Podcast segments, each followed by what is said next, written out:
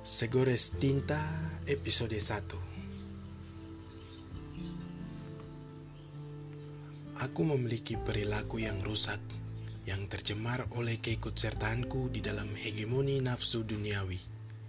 Aku tercebur dan tercemar oleh semua keasikan yang fana semata-mata hanya untuk menghilangkan dahaga kesendirian yang membosankan ini.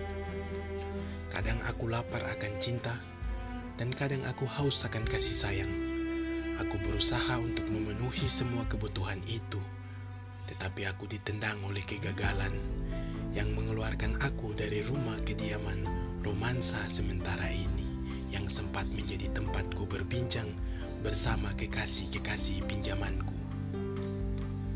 Dari semua kejadian yang kualami, aku belajar bahwa cinta itu adalah sebuah wahana yang membutuhkan sebuah sistem terpadu untuk menjalankannya.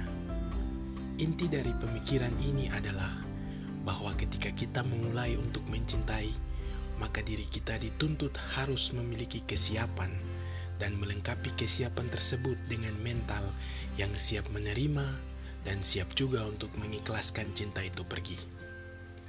Aku bersyukur ketika cinta mulai berpaling dariku, ada sebagian cinta yang tinggal dan ada cinta yang lebih besar lagi yang Tuhan berikan di dalam alam pikiran dan relung hatiku untuk belajar memahami sifat alami dari manusia dan juga sifat alami dari dunia tempat tinggalku sekarang.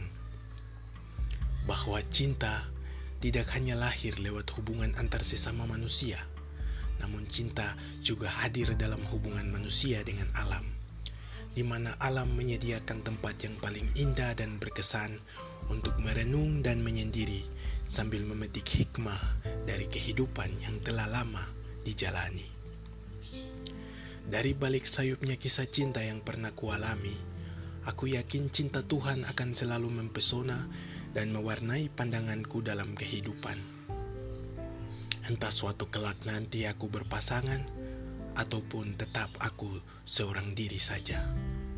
Kasihmu besar bagiku, senantiasa memberikan harapan di kala gemuruh bercampur badai yang tiada henti menghantui dan menghampiriku. Aku berterima kasih kepadamu telah memberikan anugerah untuk melihat dan menjalani dua sisi kehidupan di dalam dunia ini. Ada banyak pelajaran yang tidak dapat kurangkai satu persatu oleh sebab kurangnya asupan logika dan juga kata per kata di dalam pikiranku ini. Aku hanya bisa menyampaikannya lewat kalimat sederhana yang akan membuat bahagiaku bertambah.